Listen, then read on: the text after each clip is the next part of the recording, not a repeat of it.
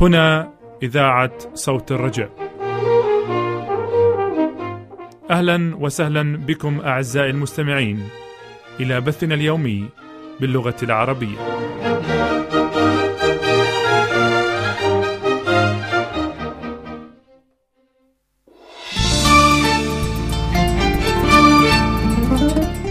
منير سلام ونور كمال يرحبان بكم أعزائي المستمعين من وراء ميكروفونات صوت الرجاء وفي هندسة الصوت أنور عبد المسيح.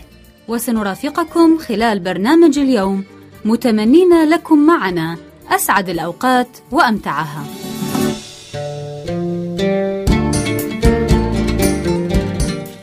سيتضمن برنامجنا لهذا اليوم دروس من الحياة دروس نتعلمها من واقع الحياة. ومن ثم نستمع إلى عالم الأسرة برامج عائلية لأسرة سعيدة كريمة. فكونوا معنا.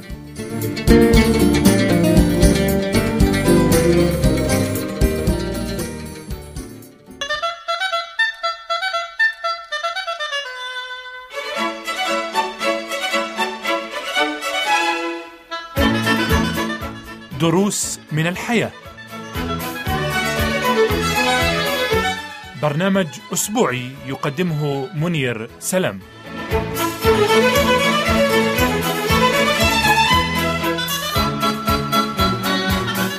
الفلسفة العقلانية.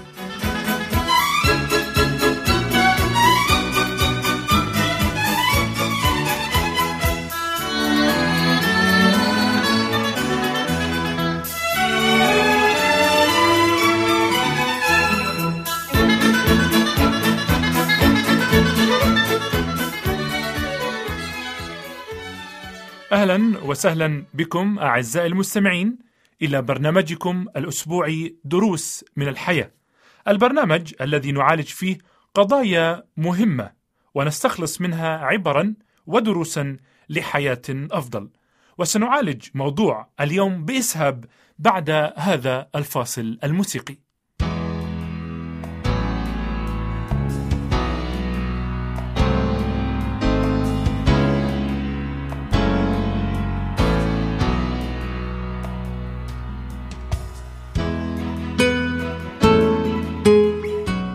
لقد قال الحكيم سليمان عزيز المستمع لأنه كما شعر في نفسه هكذا هو.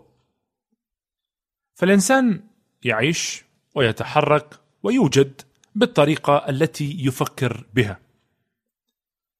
فالفكرة عبارة عن شرارة وهي قادرة على حرق العالم برمته.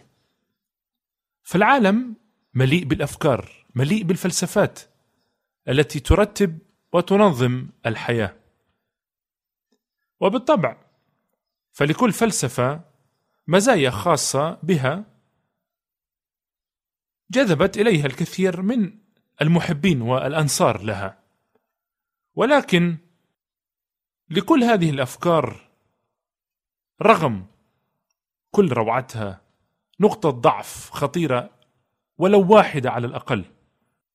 مما يؤدي إلى نتائج خطيرة لو بنى الإنسان حياته عليها. وهذا بالتحديد ما عبر عنه الرسول بولس فهو يقول: انظروا الا يكون أحد يسبيكم بالفلسفة وبغرور باطل حسب تقاليد الناس حسب أركان العالم وليس حسب المسيح. وفي الحقيقة أستطيع أن أقول بأن هناك ثمانية أفكار أو فلسفات رئيسية شائعة في العالم.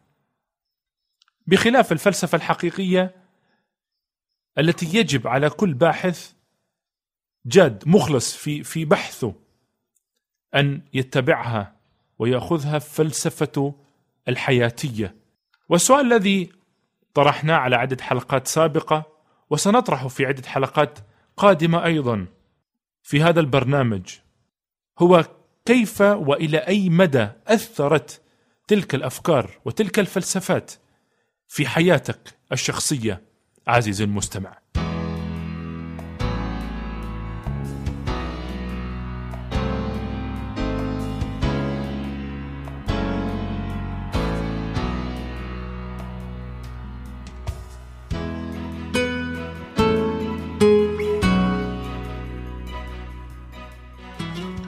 واليوم سنناقش معا الفلسفة العقلية.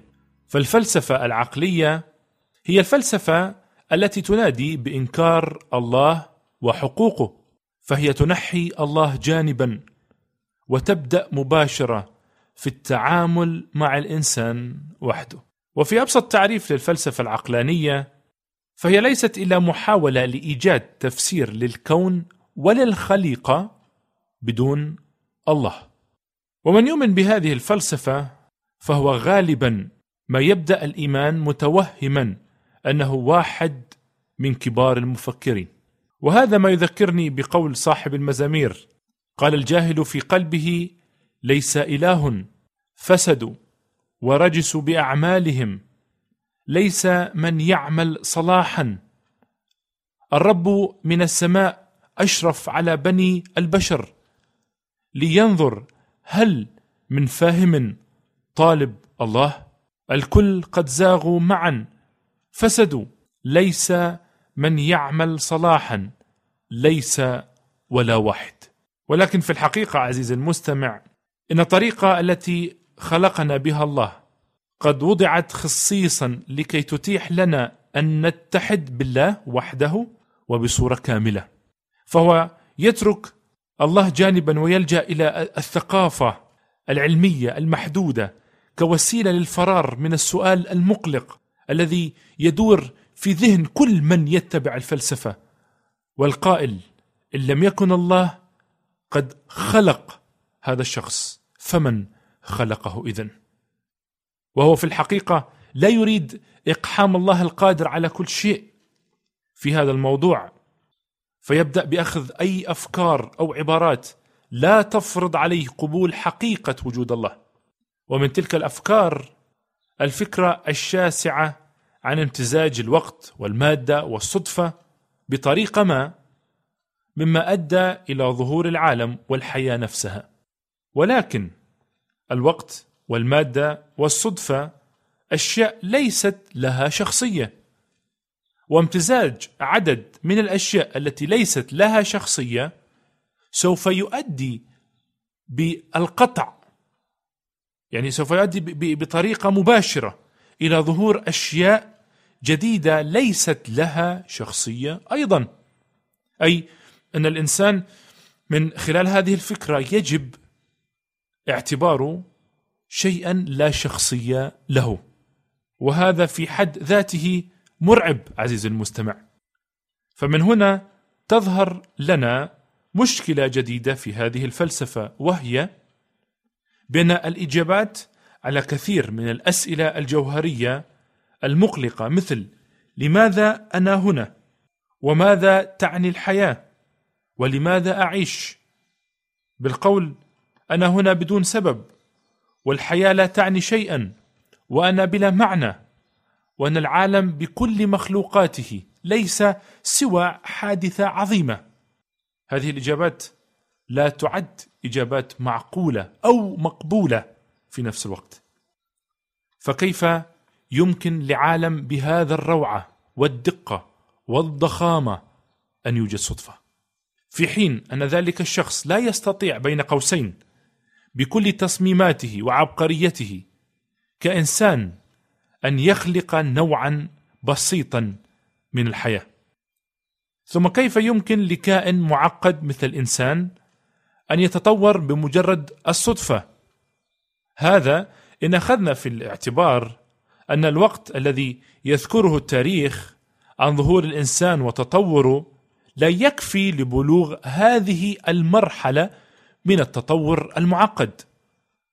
هذا في حين أن الدراسات العلمية الحديثة الأمينة تميل إلى فكرة الخلق الذكي للكون.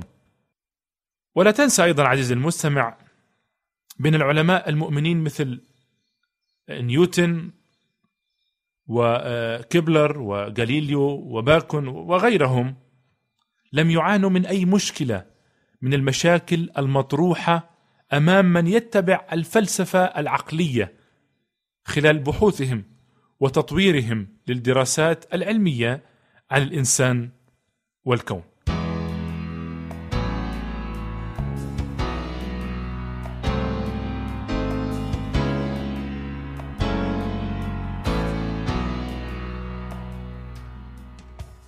فالمشكلة الحقيقية التي تواجه المؤمن بالفلسفة العقلية ترجع أساسا إلى عدم وجود فهم واضح وسليم لشخصية الله الأبدي الغير محدود. فقياسا على ما قاله أفلاطون يوما ما منذ آلاف السنين كيف يمكنك أن تفهم جيدا جزءا من شيء لم تره كله. وقياسا على ذلك يمكن أن أقول كيف يمكن لإنسان محدود أن يكون واثقا من أي حقيقة إن كان لا يعرف حقائق الكون والوجود. وقد كتب عزيز المستمع الرسول بولس محذرا من هذه الفلسفة قائلا لأن غضب الله معلن من السماء على جميع فجور الناس وإثمهم الذين يحجزون الحق بالإثم إذ معرفة الله ظاهرة فيهم لأن الله أظهرها لهم لأن أموره غير المنظورة ترى منذ خلق العالم مدركة بالمصنوعات قدرته السرمدية ولاهوته حتى أنهم بلا عذر لأنهم لما عرفوا الله لم يمجدوه أو يشكروه كإله بل حمقوا في أفكارهم وأظلم قلبهم الغبي. وبينما هم يزعمون أنهم حكماء صاروا جهلاء. لذلك عزيزي المستمع إن كل ما في الطبيعة وتركيبك البشري يدعوك للإيمان بخالق حي قادر على كل شيء. فلماذا لا تأتي إليه الآن؟ فتحصل على السلام في حياتك.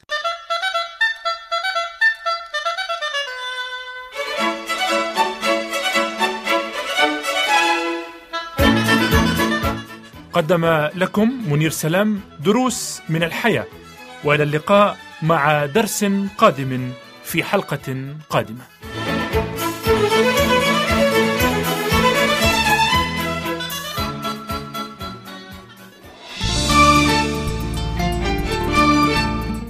عزيزي المستمع إذا أردت الكتابة لنا فاكتب لنا على العنوان التالي صوت الرجاء صندوق بريد 503 الرمز البريدي 1211 جنيف 12 سويسرا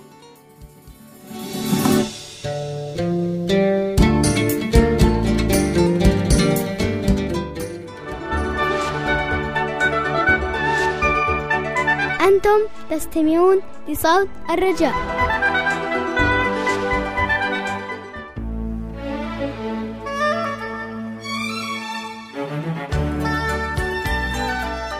عالم الأسرة.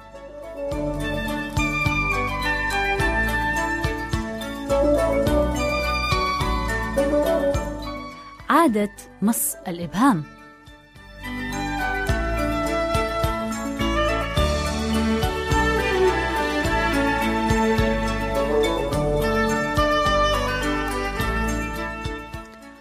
لنبدأ حلقتنا لهذا اليوم أعزائي المستمعين بالسؤال هل تضر عادة مص الإبهام عند الأطفال؟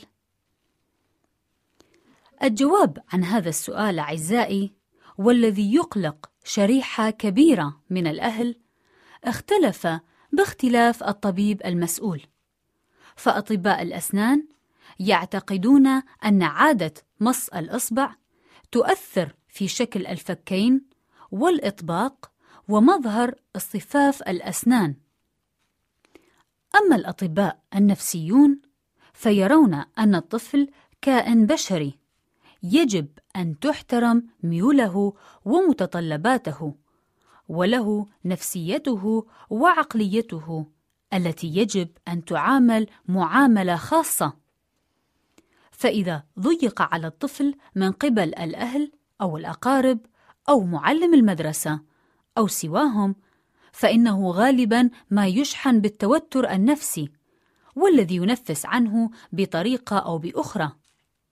ومن المؤكد عدم استطاعتنا إيقاف الطفل حتما عن ممارسة هذه العادات والتي تعود لأسباب لا نستطيع كشفها في كثير من الحالات.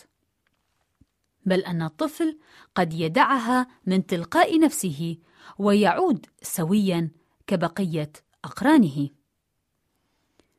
ويعتقد أعزائي أن عادة مص الإبهام قد تبدأ قبل الولادة. ويستدل على ذلك من العلامات الموجودة على الإصبع عند الولادة. ولكنها تبدأ على الغالب عند بلوغ الطفل الشهر الثالث أو الرابع. وذلك بعد تناوله للطعام أو عند شعوره بالجوع. وتتطور العادة بعد ذلك فيبدأ الطفل بممارستها قبل الطعام أيضا أو في أوقات مختلفة. وعند بلوغ الطفل الشهر السادس من العمر قد يقلع عن هذه العادة. إذا أعطي شيئا آخر للاستغناء عنها. ولكنها قد تقوى أعزائي في الشهر السابع وتزداد ممارسته لها معظم أوقات النهار والليل. وإذا حاولنا نزع الإصبع من فمه يصدر عن ذلك صوت يشبه صوت نزع غطاء الزجاجة. ويعود الطفل حالا إلى المص إذا أجبر على إبقاء إصبعه خارجا بوسيلة ما. وهنا يبدأ قلق الأهل واهتمامهم ويحاولون جعل الطفل يقلع عن هذه العادة إلا أن التدخل في هذه الفترة يسيء أعزائي أكثر مما يفيد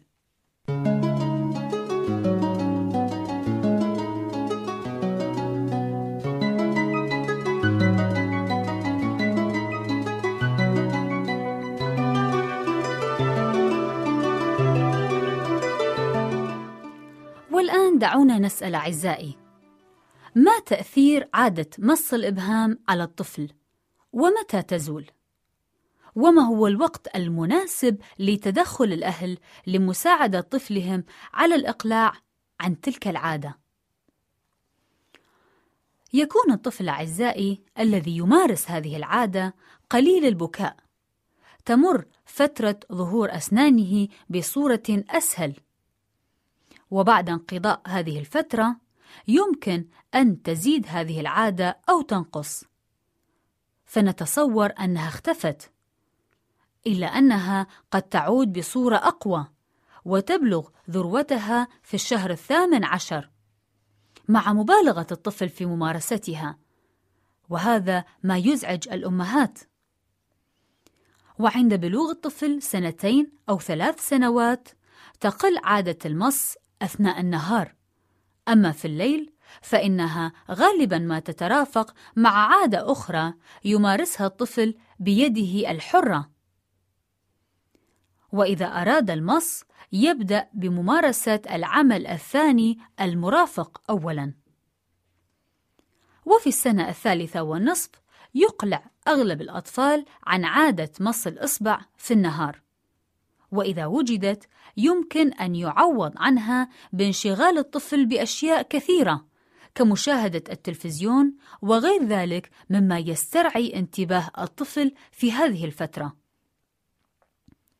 وإذا لم يقلع عنها حتى سن الخامسة فينبغي على الأهل أن يدركوا طرق عادة مص الإبهام كي يقرروا المرحلة التي وصل إليها طفلهم. فإذا كانت العادة في ذروتها فمن الأفضل أن يترك الطفل وشأنه أو أن يساعد ببعض الخطوات الإيجابية. فإعطاء طفل مثلا يبلغ ثلاث سنوات من العمر دراجة يساعد على التغلب على عادته أما إذا بلغ الطفل الخامسة ولم يقلع عن هذه العادة فيجب أعزائي أخذ تدابير لإيقافها.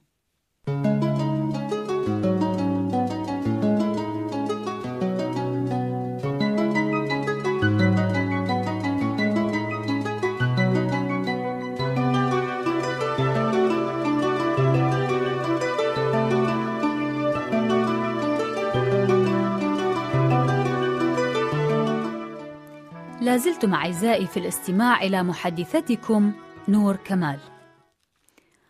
قد يمارس أعزائي الأطفال عادات أخرى إلى جانب عادة مص الإبهام، كوضع الغطاء على الوجه أثناء النوم وشمه، أو اللعب به، أو اللعب بالسرة، أو الشعر.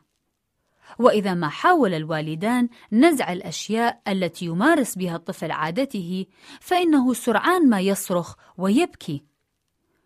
فكيف يمكننا أعزائي التعامل مع هذا الموقف؟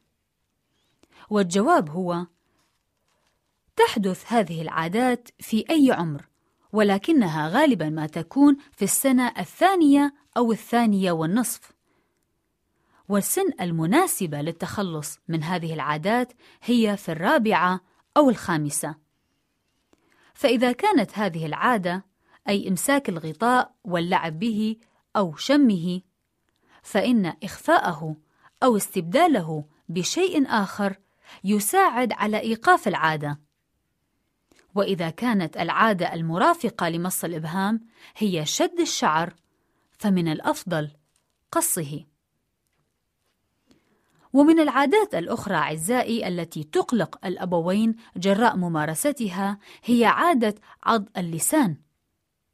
وقد تتساءلون: ما الوسائل التي تساعد على تخليص الطفل منها؟ وهنا يأتي الجواب بأن عادة عض اللسان عادة مقلقة أكثر، إلا أنها أقل مشاهدة من عادة مص الإبهام. ويصعب التعود عليها. ومن المفيد ألا نحاول منع العادة مباشرة بل يجب فهم سلوك الطفل وكشف سبب توتره النفسي الذي يقود إلى هذه العادة. وعندئذ نتمكن من معالجتها بمعالجة السبب. ولا يخفى طبعا أن النشاطات المختلفة في المدرسة أو البيت تساعد على التحكم فيها والقضاء عليها.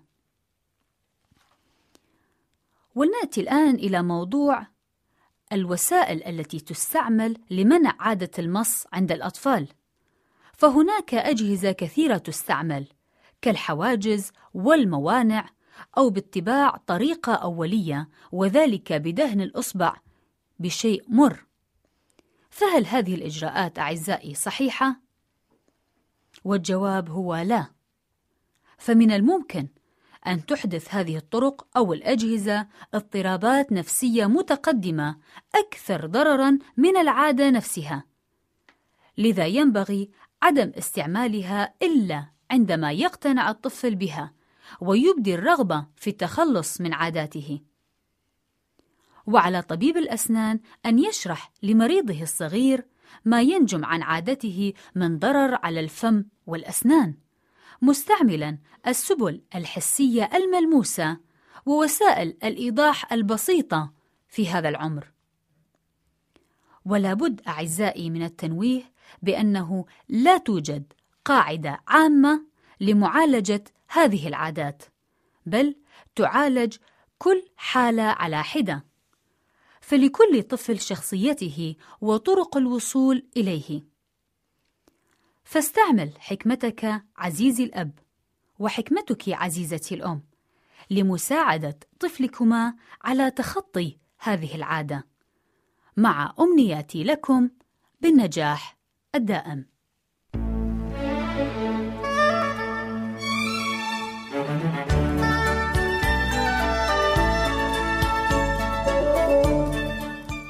مع صديقتكم نور كمال في عالم الأسرة.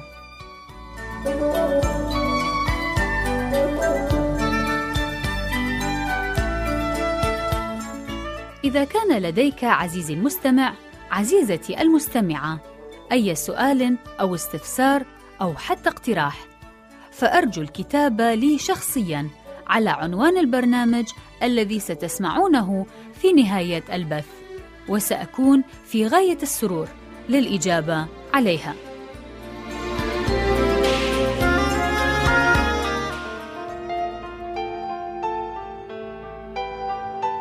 منير سلام ونور كمال.